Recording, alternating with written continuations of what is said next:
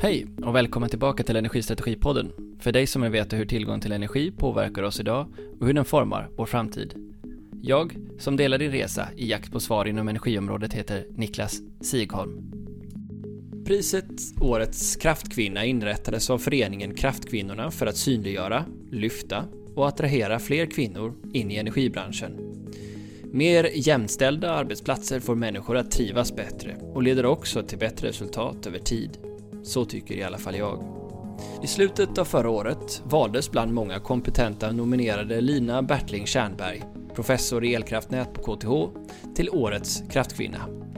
Den här podden inleds eh, bredare med frågor kopplade till hennes erfarenheter som kvinna i arbetslivet och vikten kring medvetenhet om strukturer på arbetsplatsen. Men vi kan inte hålla oss från att också prata forskning inom elkraftsområdet, finansieringsmöjligheter i en tuff värld och behovet av kopplingen mellan akademi och politik. Vi ska också säga att den här podden spelades in strax innan jul, vilket gör att skeenden i den hänvisar till mitten-slutet av december. Kul att ha er med. Hej Lina Bertling Tjernberg, professor i elkraft på KTH. Välkommen till Energistrategipodden. Tack så mycket Niklas, trevligt att vara här. Ja, jag sa det till och med fel. Det skulle vara elkraftnät ja. Eh, på KTH. Det stämmer va? Det stämmer det. Och du har precis blivit utsedd till Årets kraftkvinna med en, en väldigt liksom tjusig nominering angående ditt engagemang och uthållighet och framgångar i att systematiskt bygga fundament och plattformar för en framsynt utbildning av morgondagens medarbetare inom energiområdet. Det är du. Ja, det låter fantastiskt. Jag är tacksam. Ja, jag har hört ett antal andra intervjuer med dig här om att du egentligen gick eh, utan några direkt stora förhoppningar om, om att eh, vinna det här eh, när du gick på galan. Ja, alltså när man ser tidigare mottagare så har alla varit från industrin. Så det här är ju liksom ett litet skifte i trend att det är någon från akademin som, som mottar det här. Så att jag, jag var eh, positivt överraskad. Varför är priset viktigt tror du? Ja, alltså det är ju två delar. Dels att det här ämnesområdet är så viktigt nu i den viktiga energiomställningen och att vi behöver, eh, vi behöver arbetskraft och vi behöver få upp eh, blicken för hur vilket spännande område det är. Ehm, och sen är det ju så att det här är ett arbetsområde som har varit ehm, inte så mycket mångfald kan man säga eh, och, och därför så har ju man har sett att det har varit viktigt att lyfta fram att det finns också eh, kvinnor som arbetar i det här området. Och det ligger ju som en av motiveringarna av bildandet av kraftkvinnor, att, att faktiskt lyfta fram att det finns kvinnor. För, för det finns många sammanhang där man får höra att nej, men det finns inga. Eh, men, men det finns faktiskt många som har arbetat med de här frågorna under lång tid och det är viktigt att synliggöra det. Var det lätt för dig att välja ett sånt här tekniskt område och börja plugga på KTH? Både ja och nej. Ehm, jag tror dels så, så, valde jag ju eh, utbildning för att jag tyckte det var roligt med, med, matematik. Eh, så på det viset så valde jag någonting för att det var roligt. Eh, men sen kan jag nog säga att eh, något jag lärt mig i livet är att ingenting är lätt av det som är viktigt i livet. Så att jag har aldrig valt saker för att de är lätta, aldrig någonsin. Eh, för jag tror inte det är så man, man åstadkommer förändring. Eh, utan, utan det gör man snarare för att något känns viktigt och relevant. Eh, men ändå att man är intresserad av det naturligtvis. Så det är väl intresset som är, som är det viktigaste. Tror jag. Men du, du valde då eh, farkostteknik, eller som kallas för flyg på KTH. Vad var orsaken till det och historien bakom det valet? Alltså jag kommer ihåg det mycket väl, för att vi, jag läste ju tekniskt gymnasium och då valde man inriktning på den tiden och då valde jag en inriktning som hette energi eh, där det var upptagning från hela landet och vi bodde alla tillsammans i Forsmark. Eh, och det var en fantastisk upplevelse i mitt liv att träffa så många andra som både hade en passion för studier men även för livet. Vi hade väldigt roligt och många av oss var intresserade av matematik. Och vi, jag minns rent praktiskt hur vi satt och bläddrade och funderade på vad vi skulle söka och vi tyckte att det här lät roligt. Det var ju en väldigt liten utbildning, unik, den enda som finns i sitt slag eh, och eh, var ju då Eh, mycket teoretiskt, mycket matematik. En liten blandning mellan fysik och maskin. Så vi, vi tyckte det verkade roligt och så var vi en hel grupp som sökte tillsammans jag var själv engagerad eh, för 20 år sedan på Chalmers när vi skulle försöka locka fler tjejer att börja på tekniska utbildningar och jag tror att då var det någonstans drygt 20 procent och när jag såg på statistiken idag så är det drygt 20 procent. Det har inte hänt så där jättemycket. vad tror du, liksom, om man nu tittar tillbaks på vad som var din framgångsfaktor, är det någonting vi kan lära oss av det eh, vad gäller att stimulera intresset att plugga de här otroligt liksom, resursknappa områdena? Vi vet att vi kommer att bli hur mycket som helst och vi behöver fler tjejer. Är det någonting vi skulle kunna ta med oss av det? Ja, så jag tror generellt att uppmuntra eh, intresse för saker. Jag, menar, jag är själv uppväxt i en familj där vi har ett väldigt stort teknikintresse och vi var två döttrar. Eh, och Eh, så för oss har det alltid varit liksom självklart att vara intresserad av teknik, för det har hela min familj varit. Eh, och sen har jag en storasyster och hon gick på teknisk, och då sen ville jag göra det. Så jag tror att man ska inte underskatta alls hur viktigt det är med förebilder. Så. Eh, och när det gäller uppväxt, så, så just att man öppnar dörrar. Att, att man tror att, att, att det är för alla. Jag tror verkligen det är viktigt att man inkluderar och säger att alla kan arbeta med det här. Ehm, så att man inte stänger dörren för människor. Det tror jag är väldigt viktigt. Hur gjorde dina föräldrar det? Ja, alltså min familj har, har vi alltid uppmuntrats att uh, göra det vi tror på uh, och välja vad vi vill. Uh, och bara man gör någonting ordentligt och bra så är det rätt. Liksom. Så det har aldrig funnits förväntningar åt något håll, så, utan bara att man kämpar på, full fart framåt. Jag känner liksom, det kan jag nog tänka är lite svårt kring mina då barn sådär att jag skulle ju gärna se att de gick på KTH eller Chalmers eller någon sån skola. Eh, skulle du vara helt okej okay om ett, en av dina pojkar valde Baletthögskolan istället? Alltså jag ska vara riktigt ärlig så har ju vi sådana diskussioner i att det finns ju vissa typer av yrken som vi eh, mer uppmuntrar. Och just vissa typer av yrken är ju väldigt skadliga för kroppen, som till exempel ballett. Det är väl det absolut värsta. Eh, och eh, nej, det, det uppmuntrar jag inte hemifrån, absolut inte tyvärr.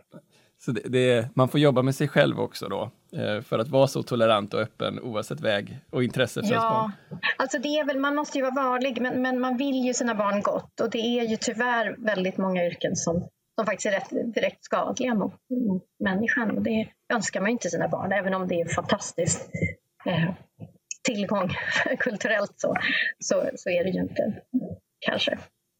Hur har du reflekterat om vad det har inneburit att vara tjej när du har gått igenom dina, din akademiska karriär? Alltså jag tror att jag väldigt mycket inte har reflekterat över det, utan att jag har kämpat på eh, och trivts eh, med mina vänner omkring mig. så. Det, på något vis har alltid innehållet varit viktigt för mig. Men det är klart, med, med reflektion så, så en minoritet, oavsett vilken typ av minoritet, så blir det alltid vissa sammanhang som blir lite konstigare om man är en minoritet. Så är det ju. På vad sätt då? Ja, nej, men det kan vara vissa aktiviteter där man, där man liksom inte passar in. Eh, och, och, det där kan ju gälla ja, både, både kön och religion och många olika saker som jag varit med om i mitt yrke. Att man, man blir exkluderad för att de tycker att det är lite obekvämt att vara med en helt enkelt. Men, men jag tror att de största eh, utmaningarna kan ju vara, är nog att, att det här är osynligt, liksom att man, man, det är inget man, man ser riktigt och de flesta tror jag är ganska omedvetna om eh, de här frågorna egentligen faktiskt. Vad skulle du säga är det vanligaste? Är det att man blir exkluderad på grund av att man blir osynliggjord? Eller blir man exkluderad för att, eh, ja, nu antar jag exkludering här, men att man är liksom eh, inte bara är en minoritet. Om du förstår min fråga. Liksom, vad, är, vad är det som föranleder att det kan vara trösklar? Du har ju kommit, så här, vi omformulerar den här frågan. Så här, du har ju ändå med alla mått mätt nu kommit en bra bit in i din karriär. Du blev tidigt professor, du har fått en rad utmärkelser, inte bara denna. Eh, du har eh, liksom, flera stora internationella forskningssamarbeten bakom dig. Eh, så du har ju kommit en bra bit på vägen. Vad är det som, vad är det då som kanske du har gjort som har inneburit att du har tagit dig igenom ja, eh, liksom alla eventuella trösklar och hinder det kan innebära att vara en minoritet? Alltså jag tror så här, det finns en kort fråga på den, eller svar, förlåt, kort svar på den frågan. Och det är samma för oavsett vem det är och det är kämpa på eh, och jobba hårt. Eh, för att det enda, Eh, det enda som, som det handlar om i slutändan, det är faktiskt att arbeta hårt eh, oavsett vem du är. Eh, och just inom akademin där jag är så tror jag ändå det är på något vis en, en lätt miljö kanske, därför att vi värdesättes, vi rankas ju hela tiden baserat på våra CVn. Eller vi tror, i alla fall har jag väl trott det eh, kanske eh, under stor del av mitt yrke att det är så. Men, men, men det är ju ändå, jag tror att det finns inga genvägar eh, och många av de personer som jag ser upp till så, de är otroligt skickliga och kompetenta och jag tror att att det, det, det enda det handlar om det är ju att kämpa på och försöka göra ett bra jobb. Men är det inte så just det som, som symboliserar kvinnliga doktorander och forskare att de överpresterar och måste överprestera jämte sina manliga kollegor? det är väl så att, att människor är olika så att, så att man, man ska vara försiktig och gruppera så. Men, men man kan ju, det finns, tror jag, ändå forskning som visar att generellt att kvinnor brukar vara väl, väldigt väl eh, meriterade. Eh, och det är ju många jag känner och där, även jag själv, så man ser till att man prickar av allt på listan. Så att man vill ju inte riskera att någon ska kritisera en för att man inte har följt eh, Eh, regelverket sa. Och det, det tror jag eh, genomgående, det kan man se. Och även när vi anställer på betyg numera så är det ju kvinnliga doktorander eh, vi tar in därför att de har generellt väldigt höga betyg. Vilket ger en, en problematik åt andra hållet. Då. Vad har du själv behövt för stöd då? Förutom det här kämpa på. Har det funnits någon eller några som kunnat eh, facilitera eller hjälpa dig på resan? Ja, det här är något som var eh, faktiskt bland, bland det första jag reflekterade på när jag fick den här utmärkelsen. För, det, för något man verkligen lär sig i akademin det är att det är väldigt lite man gör själv. Alltså man, man måste förstå eh, att det finns människor omkring. För, för mycket stor del av min tid lägger ju till att hjälpa andra. Och, och, då måste man också förstå att det är andra som har hjälpt en själv. Och det jag ser tillbaks till, vad som var väldigt viktigt för mig, eh, det var ju att det fanns ett mentorprogram för kvinnliga doktorander när jag började på, när jag var på KTH. Och det var ju Margareta Norell som var vice rektor på KTH. Hon tog sig tid att göra det här och hon var mycket, mycket upptagen och hon tog sig ändå tid. Så att hon är ju en av de stora förebilder jag har haft eh, under mitt vetenskapliga arbete. Så. Eh, och det som hände med de här mentorprogrammen var ju dels att man fick en mentor som man kunde tala med. Eh, men sen också att vi var en grupp doktorander där vi träffades då. Och det var en jag tror att i många fall så var det ett, ett, viktigt för mig för att fortsätta. För det var ju väldigt, väldigt tufft eh, när jag började, kände jag. Eh, jag började i ett nytt vetenskapsområde när jag började doktorera så att jag kände att jag kunde ingenting. Och jag fick kämpa väldigt, väldigt mycket för, för att liksom ta mig över den, den spärren i början. Där. Ja, så, det, så det är väl det. Sen, sen är det ju också så att, att handledarmässigt så hade jag ju ett otroligt starkt vetenskaplig grupp av handledare som var alla eh, väldigt erfarna eh, herrar. Och eh, de har jag alltid känt ett väldigt stort stöd från. Och det har varit mycket internationellt. Eh, och det har ju varit otroligt stort stöd att känna att jag kan fråga dem om råd och att de tror på mig och så vidare. Och mycket inom akademin handlar ju väldigt mycket om att vägleda varandra och det är sånt som jag försöker göra nu och, och hjälpa med, med de eh, ungdomar och studenter som, som jag har omkring mig. Eh, men absolut har det funnits många människor på vägen. så. Mm. Vad var det, för jag tänker du måste ju ändå haft en hel del erbjudanden som tjej och som färdig på, som civilingenjör som låg utanför akademin också. Eh, hur såg eh, dina val ut då? Vad var det som fällde avgörandet att du skulle fortsätta gå in i tillförlitlighetsstudier och statistik? Ja, det är roligt för att jag, jag gick igenom det i tankarna väldigt nyligen för att, jag, för att ge råd till, till en, en doktorand eller en möjlig doktorand. Eh, jag, jag hade en situation eh, där jag hade tre, jag hade faktiskt tre olika eh, jobberbjudanden. Och då tänkte jag så här, att när, när jag gick ut så visste jag att jag, jag ville verkligen fortsätta jobba med tillförlitlighetsmodellering. Då. Så det är tillämpad matematik för att lösa komplexa problem. Och jag hade gjort mitt Eh, på den tiden gjorde vi praktikarbete, otroligt bra del i utbildningen. Så att man var på en eh, på sommarlov och så arbetade man och, och praktiserade som ingenjör. Och det hade jag gjort eh, på FMV, Försvarets eh, arméområde, som ligger ganska nära här oss eh, på Vallavägen. Eh, och, eh, och där hade jag ju då en möjlighet att, att vara kvar. Och det var ju tekniskt sett intressant, men jag kände ändå att det, det var inte helt eh, vad jag ville starta. Och sen sökte jag även konsultbranschen eh, jobb som jag, som jag också blev erbjuden. Så jag hade liksom olika, tre väldigt olika saker. Och jag, jag minns, vi var ute och seglade över helgen där och jag funderade över ett stort beslut. Men det som vägde över för mig, det var att känna och det är så jag rekommenderar ungdomar att göra. Att, att när man tar, vissa val i livet är väldigt viktiga, de är väldigt, väldigt stora.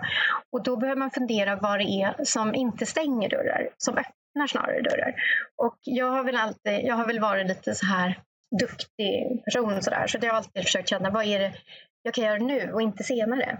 Eh, och då är det ju ofta så att det här som är lite tuffare, det är ju något som är enklare att göra när man är ung. Eh, mycket matematik och så. Jag känner ju redan nu att jag var klipskare liksom, eh, för några år sedan. Så, så man, vissa saker ska man göra när man är riktigt ung. Så det var ju mycket det att jag kände att det här, och sen lockades jag av det här internationella. Jag, upplev, jag är uppväxt i en internationell miljö och, och är väldigt attraherad av att arbeta internationellt. Och jag skulle ha en handledare som var världskänd i sitt område. Så jag Ja, jag, vägde, jag funderade väldigt, väldigt noga. Eh, men det roliga är att jag aldrig än, ångrar mig. Jag aldrig ångrade beslutet. Jag har bara känt att det här var rätt. Så, även om det var tufft så har jag känt så. Hur har det varit då i den här internationella akademiska miljön? Ehm, den är väl, eh, jag, jag tänker mig, min fördom här eller så är att Sverige ändå har kommit längre än, än många länder. Hur har det varit att uh, vara kvinna inom elkraftsteknik i ett internationellt sammanhang? Ja, vet du, det är intressant att du säger, för att jag alltid känt mig internationellt så välkommen och respekterad. Eh, jag har ju eh, en stor del eh, av min tid internationellt har jag varit i Nordamerika. I Kanada, jag har bott i Kanada tre omgångar, eller två omgångar och även i Kalifornien. Eh, jag kan tycka att man har kommit mycket längre i de länderna. Eh, jag har alltid känt mig väldigt eh, respekterad. Däremot så har jag ofta i de sammanhangen har jag tagit en roll att representera Europa. För det är väldigt mycket att det känns som att de, de, de kan allting själva, liksom säger man, men vi från Europa. Så där har jag snarare tagit Europa som en minoritet liksom, i de sammanhangen. nej, jag har känt mig väldigt, väldigt respekterad. Så. Däremot så har det varit religiöst så, för där har jag haft mött många eh, så där har jag lärt mig att hantera liksom hur man arbetar. För jag är själv kristen och jobbar med många som är muslimer. Och då har vi liksom hittat ett sätt att förhålla oss. Så där handlar det om andra kulturer man, man möts. Men det har jag bara tyckt varit intressant. Alltså att man utvecklas och man förstår hur man möter olika kulturer. Men, men jag har känt mig otroligt respekterad alltid eh, i mitt arbete internationellt. Så. Nästan mer ska jag säga än vad jag har känt mig i Sverige.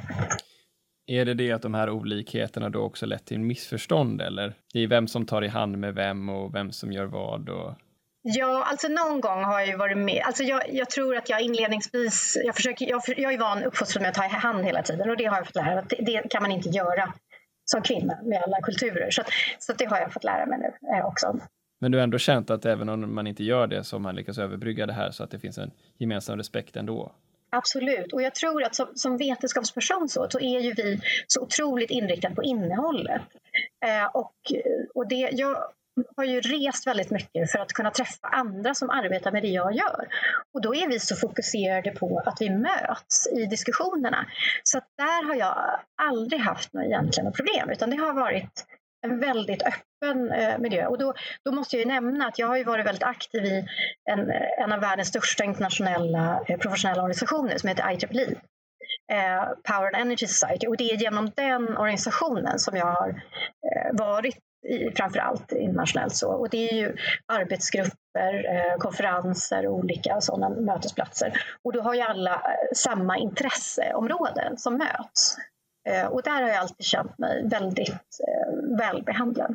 Men det låter här på dig som att eh, vi har en del att lära av de internationella sammanhangen, att Sverige på sätt och vis kommit kortare än vad andra gjort i inkludering och öppenhet.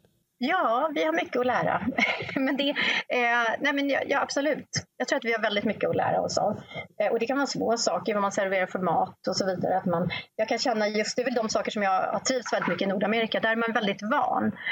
Eh, man har ju haft en mycket mer lyckosam, eh, och framförallt i Kanada, hur man integrerar olika kulturer så att man eh, vi har en kultur att man, alla ska bli lika på något vis. Men i de kulturerna så behåller man sin egen eh, sitt eget ursprung. Så att man uppmuntrar snarare att man, man möts i olika grupper. Och det, det är genomgående.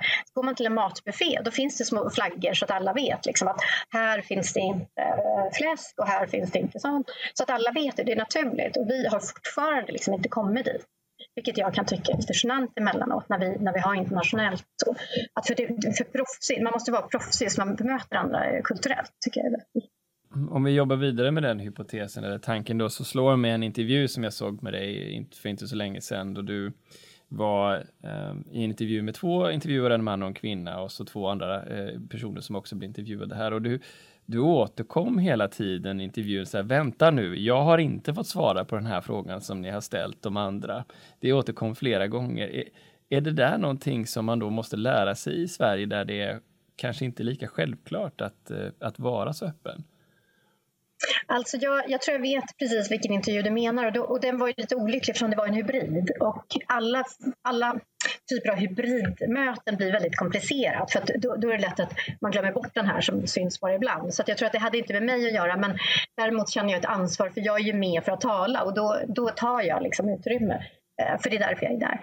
Eh, nej, alltså jag tror ju att eh, alltså det är ju en, en, en om man just säger att man eh, modererar ett samtal så är ju det svårt att göra. Jag har väldigt stor eh, respekt för det yrket i sig eh, och det är inte alla kanske som, eh, som hanterar det 100 procent eh, korrekt. Och jag menar, det, det är inte lätt. Så, så, men jag tror att det är ju väldigt, väldigt viktigt när man har olika möten att man att man tänker på det naturligtvis, att, att hantera alla talare på samma sätt. Ja, jag kan själv reagera på det många gånger i Almedalen och i andra sammanhang, att det är inte alltid säkert så att moderatorn, som kanske också är fokuserad på själva ämnet, också funderar på hur ordet fördelas mellan de som är med i panelen eller debatten. Håller du med om det? Ja, alltså det är ju, det är ju en svårt eh, uppdrag eh, att, att vara moderator. Så att, eh, nej, men det är ju, själv har jag ju valt att eh, i många av de seminarier som vi har arrangerat på, på KTH eh, med en väldigt eh, professionell moderator och där har jag tyckt att den sak som jag verkligen beundrar är just det här att kunna gå tillbaka, att kunna liksom, att inte själv att bidra liksom till en diskussion men inte själv engagera sig. För det finns ju faktiskt de också som vill berätta om sin egen livshistoria och det kanske inte riktigt var meningen liksom, i, i den rollen. Men, däremot, men det finns ju många olika upplägg att göra saker så jag vill inte på något vis se hur man gör det. Men, men jag tror att om jag blir inbjuden att tala i en panel då känner jag att då är det därför jag är där. Och, då, eh, och jag tror att eh, jag har väl varit med om ett antal gånger i mitt liv när jag inte har varit så, att, att jag inte har tagit för mig. Och då har jag väl lärt mig att nej, men nu, nu tänker jag göra det. För jag har definitivt inte gjort så hela mitt liv. Det har jag absolut inte. Jag minns när jag inte kunde sova natten innan jag skulle ha en presentation och var nervös och så. Utan det är väl något som kommer med åldern, att jag känner att ja, men jag, de har ju tillfrågat mig för att vara här, eh, precis som att tillfråga de här två andra också. Och då, då får vi hjälpas åt liksom, så att det blir balanserat om det inte löser sig av sig själv. Och jag känner att det är mitt ansvar. Eh, och liksom att också hjälpa till med det. Så, att jag, så att jag, jag känner att det är ett sätt bara att hjälpa till att göra att det blir bra för alla. Mm. Det låter som ändå som att du, det kanske inte kommer naturligt, men du ändå kommit till insikt och erfarenhet att det är det här du måste göra. Och så beskriver du också hur viktigt både handledarna och mentorerna var. Hur, hur jobbar du vidare som en förebild inom mentorskapsprogram och, och, och varför är de viktiga i så fall? Ja, alltså jag kan säga att i min roll som professor så är det en väldigt stor del av min tid som jag stöttar andra. Alltså att skriva rekommendationsbrev, att ge råd eh, och försöka vägleda personer. Så det, så det är en väldigt stor del av mitt arbete och, och det är ständig kamp. Jag hinner inte liksom, för det kommer in så mycket hela tiden frågor. Eh, men sen har jag precis nu har jag gått in med i eh, för att Kraftkvinnor har ett mentorprogram Eh, och där, eh, i och med att jag nu liksom är engagerad, tänkte jag att här måste jag ju satsa i. Så att nu, vi ska precis, jag har precis fått en, en adept som vi ska träffas här. Eh, så det ska bli jättespännande. Så att där har jag tänkt under kommande år nu att jag ska liksom komma in i det och, och, och fortsätta där. Ehm, sen så har väl tanken slagit mig också att jag skulle vilja eh, undersöka lite grann hur det är på KTH. För vi vet att vi har haft tidigare program, både för eh, doktorander men även kvinnliga forskare. Och det här är någonting som jag har tänkt att jag ska ta upp nästa år och, och se lite vad vi har, hur det ser ut. För någonting som har, eh, vi nämnde inte det i början här, men jag har ju en roll på KTH som föreståndare för vad vi kallar energiplattformen. Och det är ett uppdrag eh, som handlar om att Eh, stödja och uppmuntra samverkan mellan forskare, mellan olika områden. Eh, och där har jag ju då haft ögonen på just mång, mångfaldsfrågor. Att försöka se vad, vad finns det för olika personer, för det är innehållet som är viktigt, men också att alla får komma fram. Eh, och då när jag har märkt att det är några som har försvunnit och slutat, då ställer man sig frågan, men varför slutar den här personen? Eh, varför trivs inte den här personen? Vad gör det? Så att jag, jag, tror ju att vi, vi skulle kunna arbeta mer med att stötta våra forskare och då, då talar jag om alla. Eh, därför att det är ett otroligt tufft arbete. eh, och, och, och där kan man fundera på hur man kan göra det bättre för, för alla. Vilka lärdomar finns det att sprida mellan akademi och industri som du ser det vad gäller genusfrågan och förståelsen för den? Och vad har du själv för erfarenheter runt det? Ja, det där är intressant. Eh, jag har ju ganska lite erfarenhet att jobba i industrin. Jag har ju varit på Svenska kraftnät eh, och sen annars har jag varit eh, i akademin, både på KTH och Chalmers. Så att jag har ju inte sett den sidan så mycket, men det jag kan säga är väl att det finns ju tydligheter på olika sätt. I akademin har vi en tydlighet i att vi har en karriär mot att, att försöka eftersträva liksom, att bli professor, att komma upp så. Eh, medan industrin så har, har man ju ofta två vägar. Man har ju expertkarriären eller ledarskapskarriär. Och det där är väl ett problem inom akademin, att vi inte har uttalat det, eh, de karriärerna till exempel. Så det är något som jag ser där vi skulle kunna lära oss av industrin. Eh, och industrin kunde då kanske, förmodar jag, kunna lära sig av hur vi jobbar då på expertkarriär. Så att jag tror att där, där skulle man kunna lära sig av varandra, det tror jag absolut. Du nämnde någon gång för mig att det hade varit, du hade varit med i ett forskningsprojekt om genus eh, där ni bland annat hade jämfört hur det var mellan olika eh, organisationer. Mm. Kan du berätta lite grann om det? Ja, det här var ett otroligt spännande projekt som jag var med i. Eh, det var under den tiden jag, jag var docent. Eh, jag höll på att meritera mig akademiskt för att gå vidare inom akademin. Och, då, och det var Anna Wahl som nu är vice rektor på KTH. Det var hon som höll det här forskningsprogrammet. Och då hade man tre organisationer. Alla organisationer var eh, teknikfokuserade och hade en väldigt dominans då av, av, eh, eller minoritet av kvinnor i sina organisationer. Eh, och den ena var KTH, den andra var eh, Volvo och sen var det Ringhals, Vattenfall Ringhals. Och då hade man valt ut tio personer på, på varje organisation. På KTH hade man valt ut unga eh, kvinnor som gjorde karriär. Vi var biträdande professorer tror allihopa, vi tio. Eh, och på Ringhals hade man valt då chefer i, i, där och på, på Volvo hade man valt höga chefer i olika bolag. Och eh, vi träffades under jag undrar om det nästan var två år, alltså en väldigt lång period. Eh, och då träffades vi ett antal gånger eh, och spenderade ganska mycket tid tillsammans. Och det kunde vara olika ämnen eh, som vi hade för de träffarna. Och det, det som vi slogs av var ju att egentligen behövde det inte finnas något ämne alls, utan det var bara väldigt fascinerande att, att vara i samma rum. Och många handlade om, det kom liksom fram att, att man delade liksom erfarenheter och, det, och så gjordes det faktiskt en film efteråt av det här också. Um, och vi behöll ett tag um, relationerna mellan oss. Uh, jag tyckte det var en otrolig resa att, att gå det programmet för jag kände att man, det handlar väldigt mycket om att förstå det man inte förstår.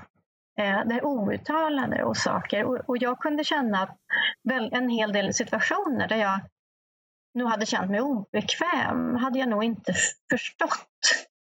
Eh, handlade kanske om att jag var en minoritet snarare än att jag hade, hade nog känt att det var något knasigt med mig. Och det kändes en, en, en befrielse, eh, bara att, att få känna gemenskap på ett sätt som jag aldrig, aldrig någonsin har känt i mitt yrke. Så. Ja, det är ju en, en, en, tänker jag, en intressant reflektion om en viss kunskap som ligger latent och omedveten och som medvetandegörs helt plötsligt. Hur förändrade det här din syn på dig själv och din omgivning? Ja, alltså kunskap är, är någonting som kommer... Alltså dels byggs det ju upp liksom gradvis. Men, men jag kan tycka att... Jag kommer ihåg till exempel att det, det var en film de visade som var tagen från Kastrup. Och då, då visade man i Business Lounge Eh, hur männen satt där. Och sen så intervjuade de någon och frågade, har ni inte tänkt på att det inte var några kvinnor här? Och då säger den här mannen, nej de är väl och shoppar, säger han. väldigt nonchalant att alla kvinnor shoppar. Eh, och, och, det var så otroligt nedvärderande och på, och på något vis så, så är det ju väldigt märkligt därför att det, det, det svåra är ju att det är alltid de här gråzonerna. För visst är det så. Jag tycker att det är mer roligt att gå i affärer än, än vad min man tror jag, gör. Tror jag. Alltså, jag. Jag i alla fall kan tycka att det är bra att passa på när jag är på en flygplats och köpa några presenter till någon i alla fall. Jag har inget emot det. Eh, men, och så kände jag så här, oj, är det något fel eller är det hemskt? Och, och så, men samtidigt kan man tycka att den attityden är väldigt oförskämd att säga så. Och sitta där och tycka att jaha, de är där och gör någonting ovettigt. Så att på något, det var sådana här saker som, som bubblade upp. upp. Eh, så att, jag tror att det här är väldigt svårt, för det finns inte rätt och fel och vi, vi är så olika som människor. Och ibland kan jag känna att man försöker få allting att bli så likformat. För, för, personligen skulle jag tycka att det var väldigt tråkigt om alla människor gick omkring i bruna kläder allihopa, om man inte hade kön. Det tycker jag skulle vara urtrist. Eh, och så har vi ju haft i vissa kulturer. Eh, om man dra, härdrar den kommunistiska kulturen så var det ju faktiskt så att där har man aldrig sett något mer jämnt samhälle. Eh, men jag tror många av oss vill inte ha det så. Vi, vi tycker om att det är skillnader i, i kön och att det är skillnad så. Men samtidigt så vill vi att alla ska få samma möjligheter. Och det är väl det, jag tror att det är det liksom den stora saken. Och det är så jag känner också själv, att jag vill få vara den jag är. Men samtidigt få samma respekt och möjligheter. Och, och det tror jag är egentligen det viktiga, att, att, man ska känna att man får våga vara den man är. Eh, så. Det tror jag nog är det viktiga. Man, ja, ha med sig. Ja, med all respekt för att liksom, ja, den här kontexten är inte utifrån att du är professor i genusforskning, men ändå så har du ju erfarenhet ändå från en väldigt mansdominerad bransch och om vi om vi tänker oss hypotetiskt, nu är det jag som säger det här, inte du, att vi har en energibransch där det ändå är en absolut majoritet män i ledande befattningar, där man liksom, ja, kanske omedvetet hamnar i en kultur där vissa normer är eh, förhärskande. Vad, vad bör man tänka på om man helt plötsligt slår en att vi kanske har ett glastak här fast det var inte meningen att det skulle bli så? Alltså, jag, jag tycker ju Vattenfall är en väldigt bra förebild i det här. Eh, Vattenfall har ju under väldigt lång tid eh, haft väldigt kompetenta kvinnliga chefer. Eh, så de har ju visat att, att det går att ändra. Eh, så att jag tror ibland så handlar det inte om att prata och förstå saker så mycket. Och nu, nu kanske det kommer fram att jag inte är någon psykolog. Att man gör bara. Men det viktiga är att man gör rätt. Så att man måste ta, och jag, menar, jag har haft förmånen att träffa många av de här kompetenta kvinnorna på Vattenfall och har alltid slagits av men jösses vad briljanta och skickliga och kompetenta de är. Så att jag tror att man, man måste ta, det finns inga genvägar för då gör man folk skada utan man måste alltid utgå från att man har den som är mest kompetent för, för arbetet. Eh, jag tror att, att, det är en förändring som, som man kan göra. Eh, och då, då, tror jag många så andra saker löser sig. Sen, sen är det en sak jag gärna kastar in här och det man bör tänka på är att många av oss som har arbetat länge i de här områdena, vi har ju valt att göra det när det såg ut på det sätt det gjorde.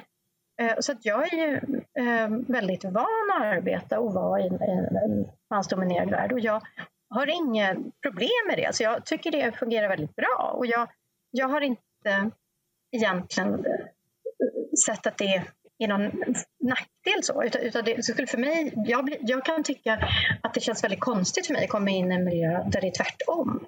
För det är jag verkligen inte van vid. Eh, så att jag tror att man, man får inte glömma bort det. Att, att för många av oss så, så kan det kännas väldigt konstigt om det är väldigt mycket kvinnor, för det är vi inte vana vid. Så, så, det är också så att vi har ju valt det när det är så och har ju tyckt att det varit otroligt trevliga kollegor och bra kollegor så hela min, min eh, karriär yrkesmässigt. Så, så, så det är inte... Eh, jag har, det mesta är bara väldigt positivt. Så. Ska vi eh, gå över och prata om den här energiplattformen? Den är också väldigt nyfiken som ni har skapat på KTH. Kan du berätta lite grann om, om vad det är och vad den innehåller för kompetensområden? Ja, det är ju någonting väldigt, väldigt positivt tycker jag. Ehm, de här plattformarna skapades, eh, vi hade faktiskt tioårsjubileum eh, första året som jag kom in och, och ledde det här. Och ursprungligen så, så kom de till när det kom en stor satsning på energiforskning. Ehm, och ehm, det man har sett är att, att det här är ett väldigt eh, positivt sätt att skapa dialoger eh, mellan forskare. Man, ibland brukar man kritisera forskningen och säga att vi jobbar i stuprör. Eh, och jag tillhör dem som, som försöker säga ja men det är bra, vi ska jobba i stuprör ibland. Därför att rent vetenskapligt så måste vi fokusera för att verkligen bidra framåt. Men det viktiga och det som är spännande här det är att man kan få olika stuprör att tala med varandra. Och för mig är det väldigt viktigt att föra fram det. För det handlar inte om att bryta upp stuprören utan det handlar om att att få stuprören att kommunicera med varandra. Så att vi ska fortsätta att jobba i stuprör, men vi ska också jobba mellan stuprören. Och det är det som, som jag, min vision i den uppdraget är, att, att stötta med det. Um, och jag ser ju att det är så otroligt konstruktivt. Uh, för att den akademiska världen tycker jag i många fall är väldigt destruktiv. Eh, vi har underfinansiering och det är intern konkurrens och det är, alltså det, jag vill inte ens tänka på hur mycket saker som, som man skulle kunna förbättra. och det här är ett sätt att förbättra det, att vi eh, synliggör. För det handlar också om att det finns väldigt mycket bra som har gjorts och görs. Eh, men man tar sig inte riktigt tiden av att berätta om det utan man hela tiden springer till nästa, man ska bygga nästa bil. Men, men, men det vi vill uppmuntra är ju att vi faktiskt talar om det vi har gjort för att lära oss. För då kan någon annan använda sig av det och så kan vi bygga vidare. Så att jag tror ju att det är ett fundament för att verkligen bli framgångsrik eh, med de satsningar vi gör på forskning. Och sen tror jag ju också att det faktiskt förbättrar arbetsmiljön. Eh, därför att som forskare är man väldigt ensam man är väldigt ensam. Och eh, det finns ju vissa perioder, liksom, man har vissa saker man ska liksom komma till. Men sen är ju yrkeslivet väldigt långt. Så, att, så att jag har också sett energiplattformen som en hemmaplats för alla. Att känna att vi kan vara här, här kan vi träffas och det spelar ingen roll om jag har 100 miljoner i finansiering eller noll. För jag är ändå här liksom, och vi möts och vi träffas och vi talar om innehållet. Och det, sådana typer av forum tycker jag är väldigt viktigt och jag hoppas att det kan bidra till att vi trivs, att vi trivs bra och att vi får bra dialoger och att vi också når ut. Vi hade ett stort seminarium eh, vi har en stor varje år när vi visar upp vad vi gör generellt och träffas. Och sen hade vi en för några dagar sedan som var specifikt inom ett område som, som jag jobbar rätt mycket med nu speciellt som handlade om elkraft, eh, elproduktionen. Och då satte jag ihop en grupp vetenskapspersoner med olika ämnesområden. Och vi fick till en dialog. Eh, och det här hoppas jag kan användas av politiker, kan användas av andra för att få liksom någon form av oberoende kunskap. Eh, och, Hur många forskningsområden har ni? Ja, vet du, det är, det är en bra fråga. Vi, vi, som vi kommunicerar, om man ser nu på vår hemsida, så står det att vi jobbar inom 17 olika områden. Eh, och den siffran är ju helt ovetenskaplig. Eh, och vi, faktum är att det, det, vi ska satsa på nu som en av första aktiviteterna efter året är att vi faktiskt ska bara sätta oss ner och se igenom det här. För vi, vi har väl tänkt att vi ska formulera ett antal områden där vi ser att vi kan gruppera in vad vi gör. Eh, rent vetenskapligt så är det ju ofta i små grupper som man gör forskningen. Och hur man kommunicerar det när man är så pass stora som vi är, det är svårt. Ehm, så att vi, men det, det, är en prioriterad uppgift som vi ska jobba med. Men, men just nu är ju KTH, eh, vi är ju indelade i fem skolor. Ehm, och de skolorna är ju enormt stora. Alltså, själv är jag till exempel på skolan för elektro och eh, datavetenskap. Eh, så det är ju mycket, det är vår största skola på KTH. Så det är väldigt mycket vetenskap i väldigt många olika områden. Eh, men det vi försöker, de här plattformarna har vi. vi jag arbetar med energiplattformen. Sen finns det materialplattform också.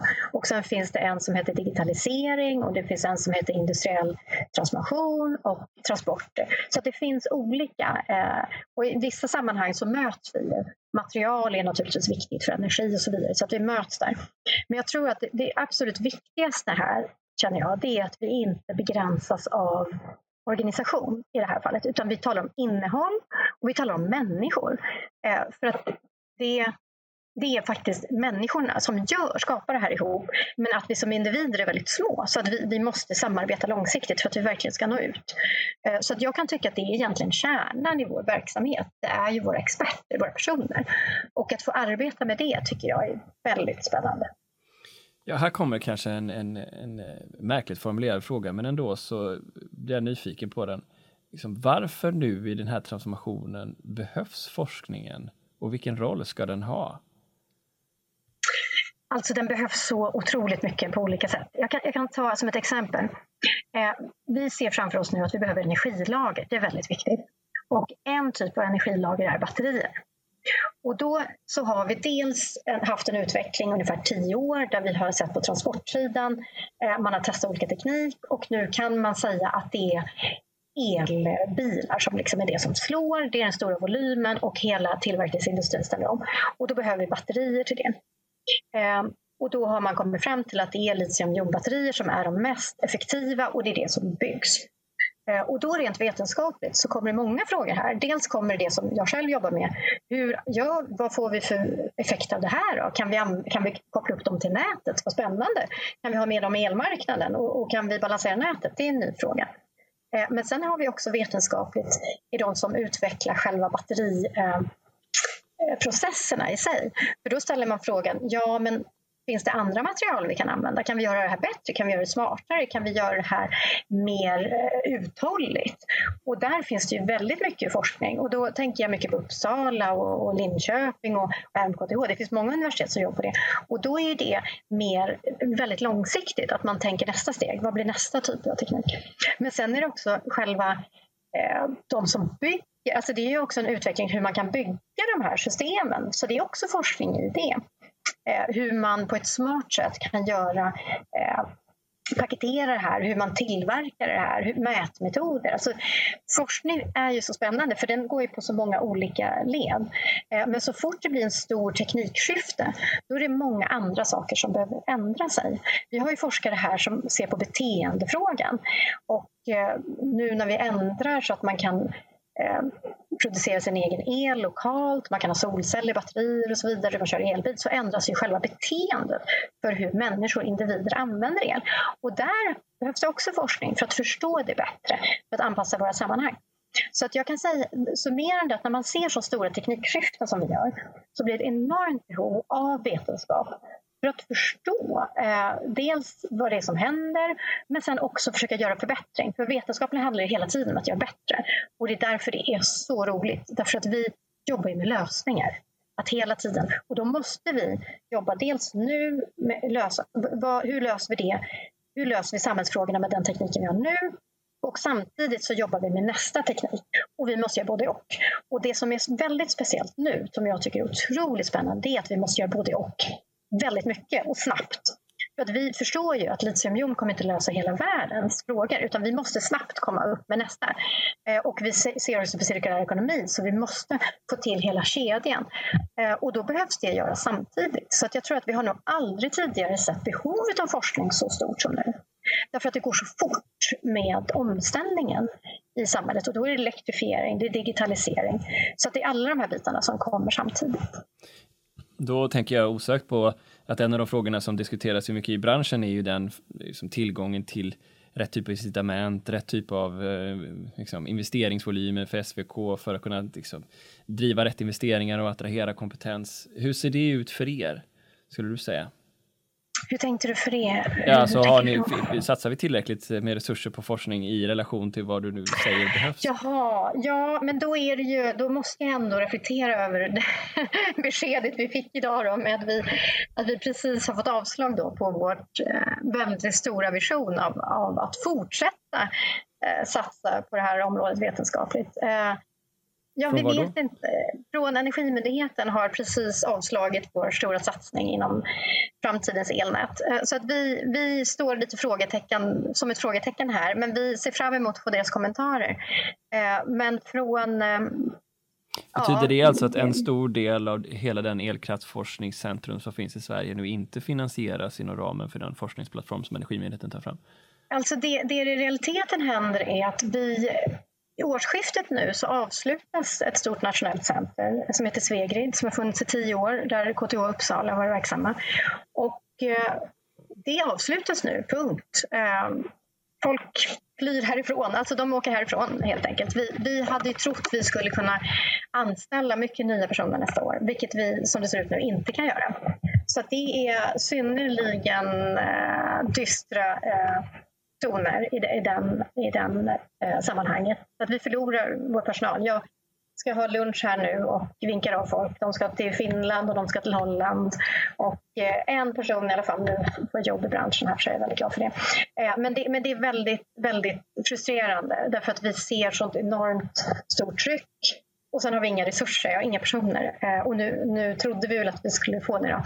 Men det, det blev inte så. Eh, så det är en väldigt, väldigt frustration i att kämpa framåt liksom, när man ser att det är ett hål under och allt försvinner. Det här var ju också någonting som Robert André nämnde i podden för inte alls länge sedan, att eh, han önskade att de hade mer resurser till forskning och utveckling, för han såg att det fanns fler bra säga, ansökningar än vad de kunde tillgodose. Um, hur tycker du att forskningsfrågan har funnits med i diskussionen kring vad vi behöver nu när det är en omställning i energibranschen? Ja, alltså här är ju väldigt bias naturligtvis. Men generellt sett så har ju inte vi gjort så stora satsningar på forskning i Sverige. Eh, det är vissa områden som får stora satsningar och det har ju framförallt varit privata satsningar. Så att vi, alltså från vetenskapens sida så, så säger vi att vi, vi behöv, det behövs mer medel och alla, alla investeringar i forskning och utveckling är ju någonting som är positivt och konstruktivt för Sverige. Så att jag har ju, så att vi, vi ser ju att särskilt nu när vi belånar landet så, så mycket för att göra väldigt många saker så, så tycker vi att, att det är synd att vi inte kan satsa ännu mer på de, eh, de områdena som verkligen skapar ett värde i landet. Eh, och jag tror att det, det är ju klart att, att det är svårt att göra prioriteringar. Det har jag väldigt, väldigt stor respekt för. Eh, men, men nu, känns det, nu känns det tufft. För det här är ett område som vi har varit världsledande i ungefär 30 års tid. Eh, och nu när vi står inför sådana uppenbara eh, problem eh, och fiaskon liksom, i systemet så får vi inte heller några medel att, att fortsätta vår forskning. Så jag vet inte, men, men jag väntar ju på att få besked. Och som jag har fått sagt till mig så kommer det komma andra satsningar nästa år. Men det är ju väldigt svårt för oss att skriva eftersom vår personal försvinner. Så att vi, vi, hur det än blir så, så blir det från vår sida väldigt svårt att eh, fortsätta. Eh, på det sätt vi har gjort innan eh, när man nu avslår vår, fortsättning. Är det eh, liksom den här relationen, för så här då, hur ska jag formulera detta?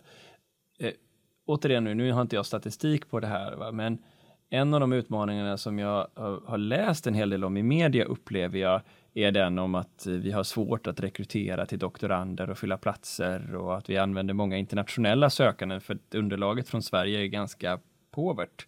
Ehm, och så pratar vi om behovet av vad forskningen medför för branschen för att inte bara eh, forska fram nya tekniker utan också jobba med den tredje uppgiften, nämligen att då eh, samverka med näringslivet för att hitta nya lösningar. Ehm, vad är, vad är passningen kring just den här problematiken in i branschen? För jag vill ju mena då, det blir ett långt resonemang för mig, att, att det vi hör är ju tillskjutande av mer medel till typ SVK, att vi pratar om eh, elnätsöverenskommelsen och liksom lönsamheten för elnäten för att möjliggöra fler investeringar.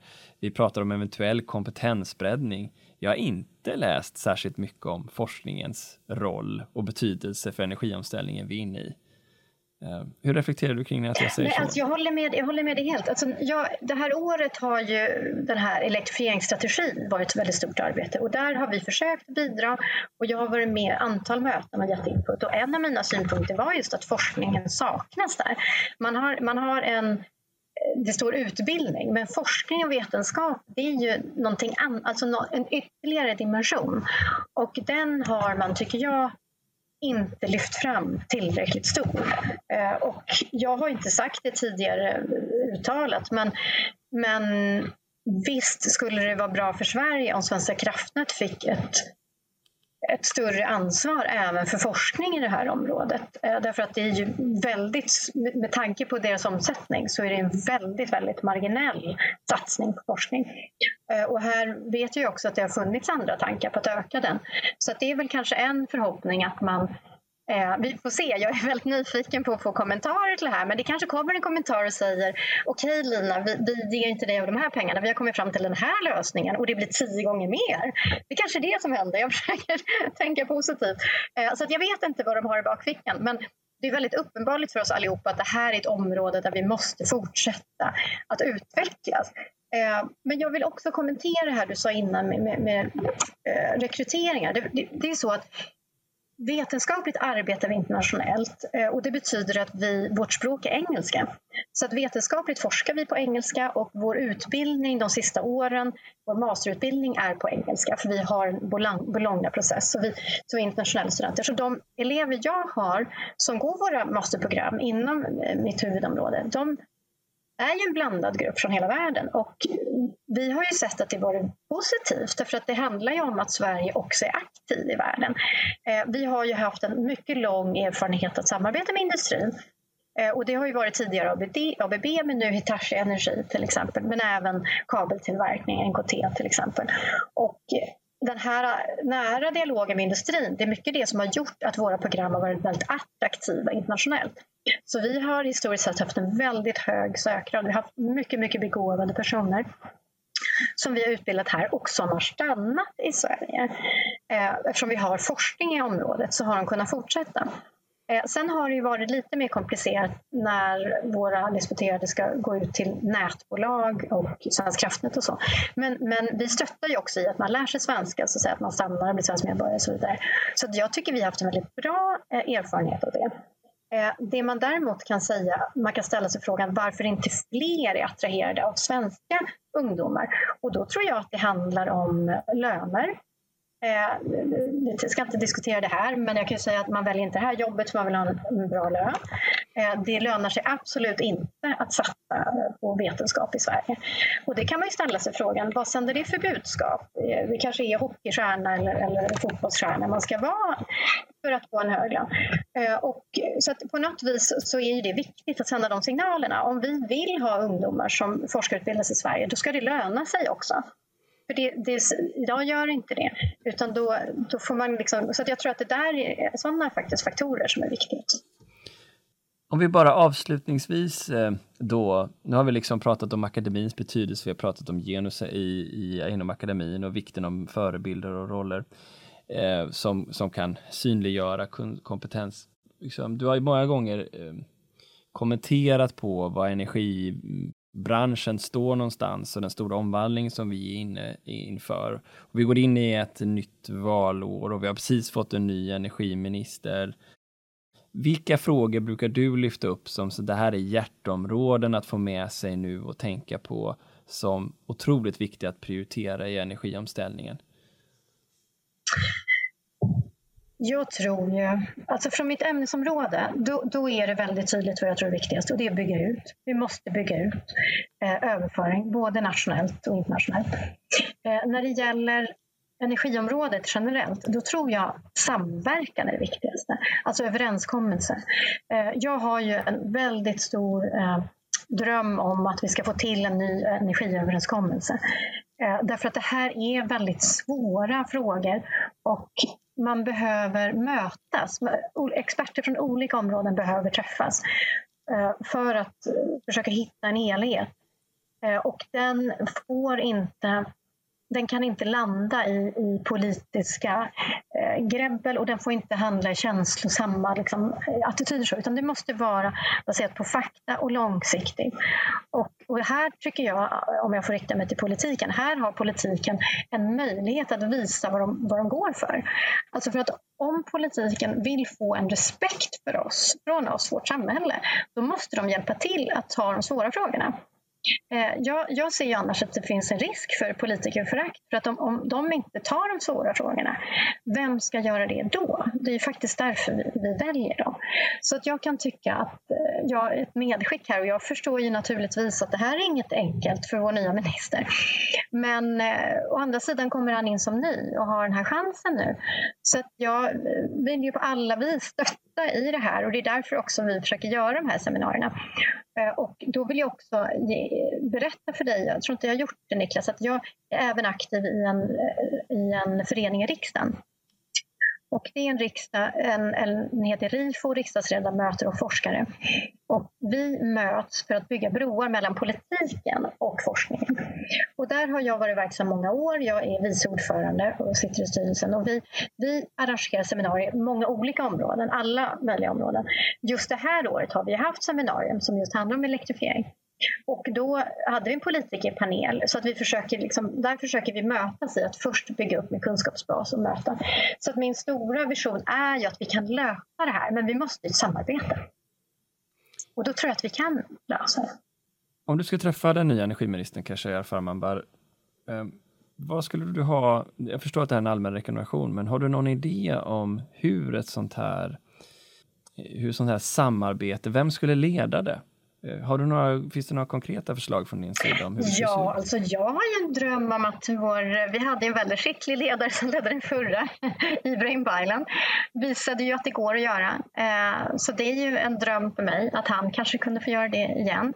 Eh, för att det måste vara en person som är lyhörd och har en en position att driva de här sakerna. Men, men i slutändan så tror jag det handlar om att sitta ner vid bordet. Alltså sitta ner tillsammans, att bygga Eh, det handlar mycket om att bygga ett förtroende, en tillit, att man, att man kan mötas. Eh, och då måste vi först bygga upp en kunskap. Eh, men det viktigaste är att lyssna. Eh, och jag har, väl, jag har stor respekt för att, att, det är svårt, de har mycket frågor att ta in och så. Men det är därför de måste ta, ta in sådana som oss, att lyssna på vetenskapen, att, att låta oss få, få hjälpa till. Det är väl mitt. Jag blev ändå lite positivt överraskad när jag i DN häromdagen läste att energifrågan nu är den tredje viktigaste frågan, alltså klimatomställning och energi. Mm. Eh, den har ju annars släntrat alltid på femte och fjärde plats. Eh, förvånar det dig eller tycker du att det är rimligt? Vet du, det är lustigt att jag, för mig är det så självklart att det är, det är en av de viktigaste frågorna. Så jag har nog inte noterat att... Eh, jag har ju sett att det blivit fått mer uppmärksamhet så, men, men det är väl alldeles rimligt. För att det är ju ja, vi behöver göra det här på ett bra sätt. Det är viktigt. Du Lina, tack så hemskt mycket. Tack så mycket Niklas. Det var ett jättetrevligt samtal och tack för att du bjöd in mig. Nästa vecka hör vi vad Siemens tänker och hur det agerar inför behoven och förändringar av affärsmodeller i energibranschen. Torbjörn Fors är VD för Siemens Industrial Applications och har en global utblick på vad som händer i branschen just nu. Det blir spännande. Hoppas vi hörs då.